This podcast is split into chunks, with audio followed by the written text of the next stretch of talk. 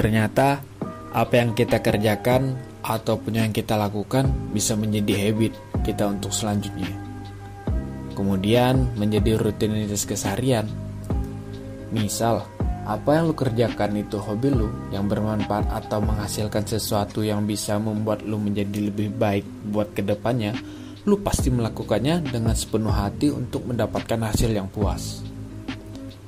Hari ini gue mau bahas tentang apa yang terjadi keseharian dengan rutinitas yang bermanfaat. Nah, sekarang banyak hobi yang bermanfaat yang bisa menghasilkan. Malahan, dengan hobi bisa melakukan hal tersebut dari hal yang kita suka. Sekarang teknologi sudah canggih, banyak hal yang mendukung. Jadi nggak mustahil kalau hobi bisa menghasilkan. Dan banyak orang yang menghasilkan karena hobi. Intinya jangan malas aja ya kalau saran gue ya kalau sudah malas tuh mau ngapain aja susah. Gue bangun dari mindset tanamkan dari pikiran kita lawan rasa malas tersebut. Untuk memulai sesuatu kadang rasa malas sudah tertanam dalam pikiran kita. Kalau gue selalu melawan malas dengan cara gini. Sebelum tidur hal apa yang kelewatan dalam hari ini yang bermanfaat? Misalnya ya belajar belajar itu kelewatan karena gara-gara gue main HP atau ngegame kelewatan waktu. Nah, sebelum tidur gue catat dari hal kecil sampai dampak yang besar buat gue. Misal, hal kecil waktu gue main game terus-terusan sampai lupa belajar dan dampak ke depannya dari game tersebut. Nah, kalau gue selalu melakukan itu. Jadi, apa pun yang gue lakukan hari ini, gue selalu ingat dan selalu catat hal positif yang kelewatan agar hari berikutnya gue bisa kerjakan. Bagi gue, sepele, tapi dampaknya besar bro. Ya, belajar kalau besok-besok bisa ya. Nah, ketika lo mengulur waktu demi hal yang gak penting, fatal bro ke depannya. Iya kalau lo inget tentang belajar, kalau lo lupa, Hayalin keseharian lu gitu mulu sampai kelewatan satu bulan, satu tahun dan seterusnya. Dan lu lihat teman lu udah sampai mana dan pada punya ilmu buat ke depannya dia mau ngapain aja. Dan lu masih di posisi yang sama. Saat ini dan ke depannya ilmu penting bro. Sebagian besar dari teori yang bakal lu terapkan di kehidupan keseharian lu. Bagi gue malas adalah sifat mati yang gak berguna dalam bentuk apa pun. Mau ngapa-ngapain malas, mau kerja malas, ngerjain sesuatu malas. Nah, kayak lu punya cita-cita nih, tinggi kayak apartemen lantai paling atas sekalipun. Kalau lu mulai, lu tidak hanya sekedar halu mau ngapain aja di masa depan lu. Nah, kayak gitu. Bingung gak lu? Kalau halu bebas ya, yang penting niat lu sesuai sama hati dan apa yang lu kerjakan. Selain itu, doa adalah kunci utama menuju suatu hal tersebut. Semoga kita menjadi orang yang berguna dan bermanfaat. Dan lawanlah rasa malas. Kalau dulu gue lo rasa takut, sekarang gue malah melawan rasa malasnya gue. Bahaya bro. Kelar impian lu gara-gara malas gue balik lagi dengan tema yang pertama. Kita hidup dengan tujuan dan impian. Minimal bikin lu lebih bermanfaat aja sudah sebagian dari dasar lu bisa bermanfaat bagi orang lain ya.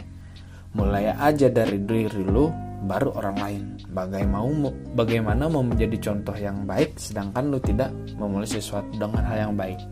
Nah, gue tuh suka banget ya merenung sebentar. Sekarang gue sampai mana sih? Bisa nggak ke depannya kita berjuang di level berikutnya? Adaptasi penting bro. Dari circle-nya kita di mana awal kita memulai kalau circle lu nggak baik menurut lu lu bisa dengan circle yang baru. Kayak cari tempat tongkrongan yang baru. Kayak gitu. Kalau gue ya kalau circle ruang lingkup gue jelek tuh gue cari circle yang lain. Gak misal di kampung sebelah ataupun kota sebelah karena gue tuh kehidupannya mending gue lebih baik mencari ruang lingkup yang baru buat ke depannya gue dibandingkan gue menetap dalam hal keadaan yang buruk. Karena dampaknya buruk juga bro. Kalau di sekeliling lu melakukan hal keburukan contoh narkoba lu di ruang circle kayak gitu lu akan berdampak negatif dalam kehidupan lu. Lu nggak bakal berkembang. Kalau gue saran gue mending lu lari ataupun menghindar dari circle tersebut lu cari kehidupan yang baru. Nah gue ada sedikit kutipan nih dari Zig Ziglar. Katanya kayak gini kamu tidak perlu menjadi luar biasa untuk memulai tapi kamu harus memulai untuk menjadi luar biasa. Keren gak tuh?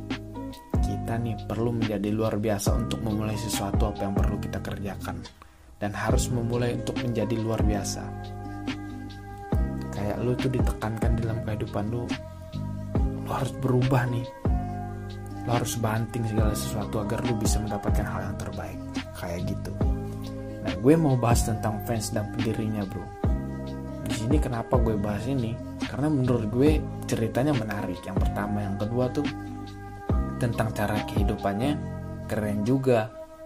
Dan fans bagian salah satu yang mendunia kan karena sepatunya karena apalah yang didirikan dari fans tersebut Nah, gue mau bahas ini sekarang.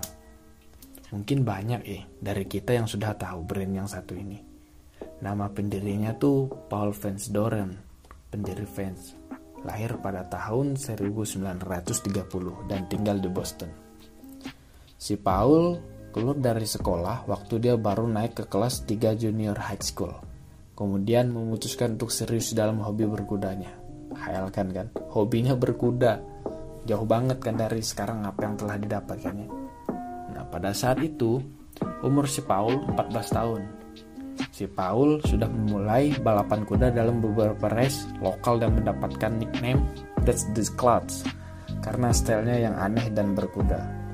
Ibunya tuh kesal melihat kerjanya hanya bermain kuda, terus nggak menghasilkan uang dan pada akhirnya Paul tuh dipaksa kerja di pabrik sepatu sebagai seorang buruh pembuat sepatu dan penyapu lantai pabrik. Seorang Paul dulu itu disuruh ibunya kan ya, disuruh ibunya ibarat ngapain lu di sini terus? Nggak menghasilkan apa-apa mending lu kerja ding. Buat ke depannya lu mau ngapain? Kayak gitu.